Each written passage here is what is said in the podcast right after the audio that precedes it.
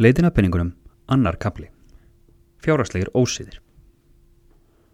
Við eigum öll í einhvers konar tilfinningalegu sambandi við peninga, hvort sem við tölum um reyðufjö, kreditkort eða debitkort. Þetta samband má segja að sé eitt að mikilvægasta samband sem við stofnum til á efinni. Starrendin er svo að viðhorf okkar til þessa sambands mun hafa mikil áhrif á fjárhagslega framtíð okkar. Ef þú hefur óheilbreyð viðhorf til peninga, hefur ekki stjórn eða yfir sín yfir eðslu og átt engan spartnað, þá eru meiri líkur en minni á fjármál þín muni ekki enda vel. Þetta eru slæmufréttinar. Góðu fréttinar eru að hér á eftir munum við skoða þessi viðhorf sem hafa neikvæð áhrif á hegðun okkar og leiðir til að leiðrætta þau. Forðun. Algengt er að fólk forðist að hugsa um fjármálavandræðin sín frekar en að reyna að leysa þau. Það er kvíðavænlegt að sjá að staðan á heimabankanum er öll í mínus. En ef vandanum er sópað undir teppið þá vex hann og hann verður erfiðari viðfáns. Ef þú hefur hent reikningi í ruslið á þess að opna hann, ef þú hefur sleftið að skoða stöðuna á bankareikningum, þá eru líkur til að þú þjáist af forðun. Það skiptir engum máli hver fjárhagstæða þín er, það að horfast ekki í augu við hanna er aldrei rétta leiðin. Það er nöðsynlegt að fylgjast með stöðunni á bankareikningum og eðslu okkar ef við ætlum að eiga betri framtíð. Því fyrir sem þú horfist í augu við raunverulega stöðu fjármálaðina því auðveldara verður að vinna úr henni. Gott ráð við þessari forðun og þeim fjárhagsvanda sem getur verið afleiðing forðunar er að fara vel yfir eðslu og um leið átta okkur að því hvar mest af peningunum er eitt. Það er ekki góð leið að ætla umturna öllu með stórkostlegum breytingum strax. Það er miklu betra að reyna að temja sér góða síði og um leið breyta hægðun.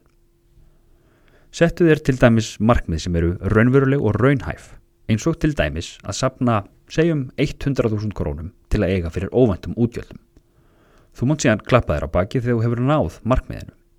Þó ekki með því að eiga því öllu sem þú ert búin að eiga í spartnað. Ef þú vilt finna ráðleggingar og stuðning til þess að taka fyrsta skrefið þá er fjöldamargar leiðir til að finna það eins og til dæmis á Facebook. Að eigða of miklu. Það fylgir oft forðun að eigða um efni fram. Hjá sömum getur eðslan snúist um stöðutákn eins og merkjavörur meðan aðrir eigða í mat og veitingastæði. Ef þú eigðir meira en þú aflar þá er miklu meiri hætta á að þú lendir í fjárasvandræðum síðar meir en það eru leiðir til að vinna gegn þessu. Ef þú hefur náð yfir sín yfir þá hluti sem þú eigðir of mikið í, þá ertu búin að stiga fyrsta skrefið og næsta skrefið er að setja sér raunhæft eðslu markmið og þá með áætlun um það sem þú ætlar að eigða í. Ef við eigðum til dæmis allt og miklu í að fara út að borða, þá getum við sett okkur markmiðum að eigða ekki meira en 10% af útborguðum laununum okkar á veitingastæði, í stað kannski 20% af laununum. Sumir bankar bjóða upp á upp eins og meninga þar sem við getum séð í hvað peningarnir okkar fara. Slíku upp eða þjónustur geta auðveldað okkur að ná yfir sín og greina vandan. Að samaskapi er ekki gott að taka neyslulán eins og smálán eða skindilán til að fjármagna umfram eðslu. Það veitir vissulega gleði að fá hlutina strax en mundu að ef þú átt ekki fyrir hlutnum þá ertu að greiða fyrir hlutina með peningum sem þú átt ekki og þarfst að afla þér í framtíðinni. Ofta á vöxtum.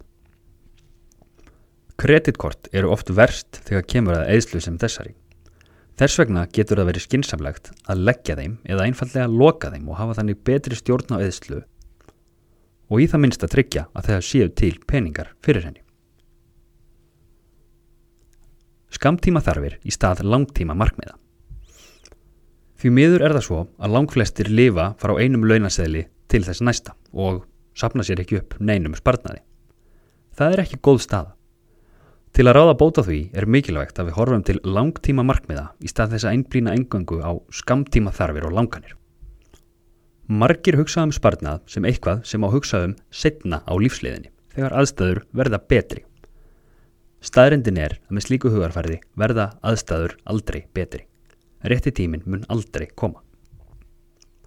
Ef tekjur fólks hækka þá eigðir það yfirleitt meira því samhliða auknum tekjum þá vaksa skuldbindingar og útgjöld oft jafn mikið eða meira en tekjunar. Góðvísa er aldrei of oft hveðin. Því lengur sem við senkum því að vinna að langtíma markmiðum í fjármálum, því erfiðara verður að ná þeim. Þess vegna verður að setja sparnað í forgang. Það er oft talað um að við eigum að leggja til hliðar 20% af laununum okkar í sparnað. Það er gott og vel. Það þýðir samt ekki að við eigum ekki að leggja neitt til hliðar ef við náum ekki þessum 20%. Það er betra að leggja bara 100 krónur til hliðar á mánuði heldur en ekki neitt sem síðar verða að 1000 krónum á mánuði og ennþá síðar að 10.000 krónum á mánuði þanga til að 20% markinu er náð. Það sama á við um fjárfestingar. Mörg stefnum við að því að byrja að fjárfesta síðar á æfinni, en það er í sjálfu sér engin ástæða til þess að býða. Þú ert orðin fjárfestir, jafnvel þóttu fjárfestir aðeins fyrir 10.000 krónur. Að þurfa alltaf meira. Sömt fólk er því miður í þeirri stöðu að ná ekki endum saman. Það fólk telst oft vera í fátækt og þarf á öllu sínu að halda til þess eins að draga fram lífið. Í þessum kaplaðum að þurfa meira og að spara er ekki verið að fjalla um það fólk. Staðrendin er að hjá fjölmörgu fólki þá skiptir engum máli hvað það þjenar mikið. Það er aldrei til nóg. Fyrir fólk með meðaltekjur þá er innkoman næjanleg til að geta lifað ágætu lífi. Vandamálið er að okkur er talin trú um að lífstílinn sem við lifum sé ekki nógu góður. Ef þér finnst að þú þurfi meiri peninga en þú hefur til að geta lifa lífinu sem þið langar í, þá eru ágæta líkur á því að þú eigðir meira en þú ættir að gera. Þetta viðhorf getur leitt til þess að við vinnum meira til að geta eitt meira. Önnur hlið á þessu viðhorfi er svo að horfa á tekjurnar sem stöðutál. Að meta veriði sitt engöngu út frá því sem þú aflar. Slík viðhorf eru ekki heilbreyð og því skiptir máli að reyna að átta sig á þeim og leiðrætta þau og tilenga sér lífstíl í samræmi við raunveruleikan. Ef þú upplifir að þú eigir aldrei nóg af peningum og að þú þurfir alltaf meira þá er allt eins líklegt að enn meiri peningar leysi ekki vandan. Fyrir suma er þörfin fyrir peninga meiri en svo að hægt sé að svala henni. Hún getur stafað af öðrum sálfræðilegum þáttum sem réttir að leita til fagfólks eins og sálfræðinga með. En í grunninn er gott að miða við að heilbrið fjármál ættu að engjannast að því að peningarnir vinna fyrir okkur en ekki öfugt. Ef við eigum aldrei nóg þá er hægt við að eðsla okkar rjúki upp í beinu samræmi við það að teikjurnar okkar aukast. Samlega því að við öllum meira á líf okkar að verða þægilegra og þannig vonandi betra. Heilbrið nálgun er að með hækkandi tekjum á spartnaður að aukast í sama hlutfalli og tekjurnar. Ef launin okkar hækka um 20% þá mætti til dæmis auka spartnaðum 15% en eðsluna bara um 5%. Fjárhagskvíði Kvíði vegna fjármála hefur mikil áhrif á bæði fjárhagslega og andlega heilsu okkar. Margir sem eru haldir kvíða vegna fjármála eru einnig með sektarkend vegna þess að eðsla er of mikil eða ekki sé verið að spara peningana. Vandi sem ekki er leistur vegna kvíða mun bara vaksa og verða erfiðari og óárennilegri sé ekki bröðist við. Með tímanum geta þessi viðhorf leitt til þess að við myndum óheilbrygt samband við peninga. Íðsla, níska og aðrir slæmir ávanar eiga oft upptök í óheilbreyðu sambandi við peninga þar sem kvíði hefur verið rót vandans. Það er mikilvægt að við gefum okkur tíma til að fara yfir fjármál okkar og hugsa um peninga og reyna átt okkur á því hvernig okkur líður gagvart peningum. Ef þú tekur reglulegt stöðutek á fjármálunum þínum og sérð hver staðan er í raun, þá mingar þú hættuna á kvíða umtalsvert því þú veist hvað þú þarfst að gera ef þú ert að reyna að sapna peningum þá geta að kaupa á einhverju sem þú þart ekki nöðsulega eins og til dæmis skyndibita skapa kvíða. En ef þú hefur lagt peninga til hliðar fyrir slíkum hlutum þá getur þú eitt peningum í þannig hluti algjörlega án þess að upplifa neikvæðar tilfinningar. Einföld markmið og reglur um sparnað og skipulagningu fjármála sem við ræðum betur síðar geta einfalda lífið og gert það mun betra byðir mikla eftir útborgunadegi launa. Fyrir mörg okkar er útborgunadagur mikið tilhlökunar efni. Loksins, loksins getur við keift þar sem okkur hefur vantað eða langað í. Það er hins vegar ekki góður vani að keira niður innistæðuna á bankareikningnum eins rætt og við getum um leið og tækifæri gefst við útborgun.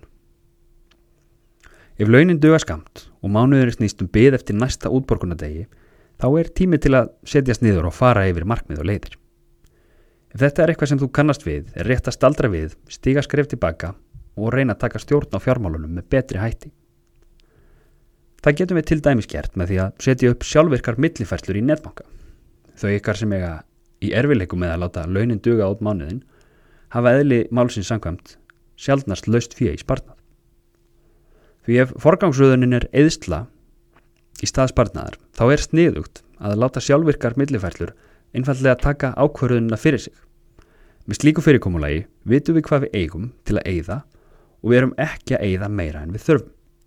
Það er aldrei of seint að breyta hegðun og venjum, um leið og við tökum upp eina góða venju þá fara oft aðri litlir hlutir í fjármálum að lagast líka. Mikilvægast er þó að byrja sem fyrst.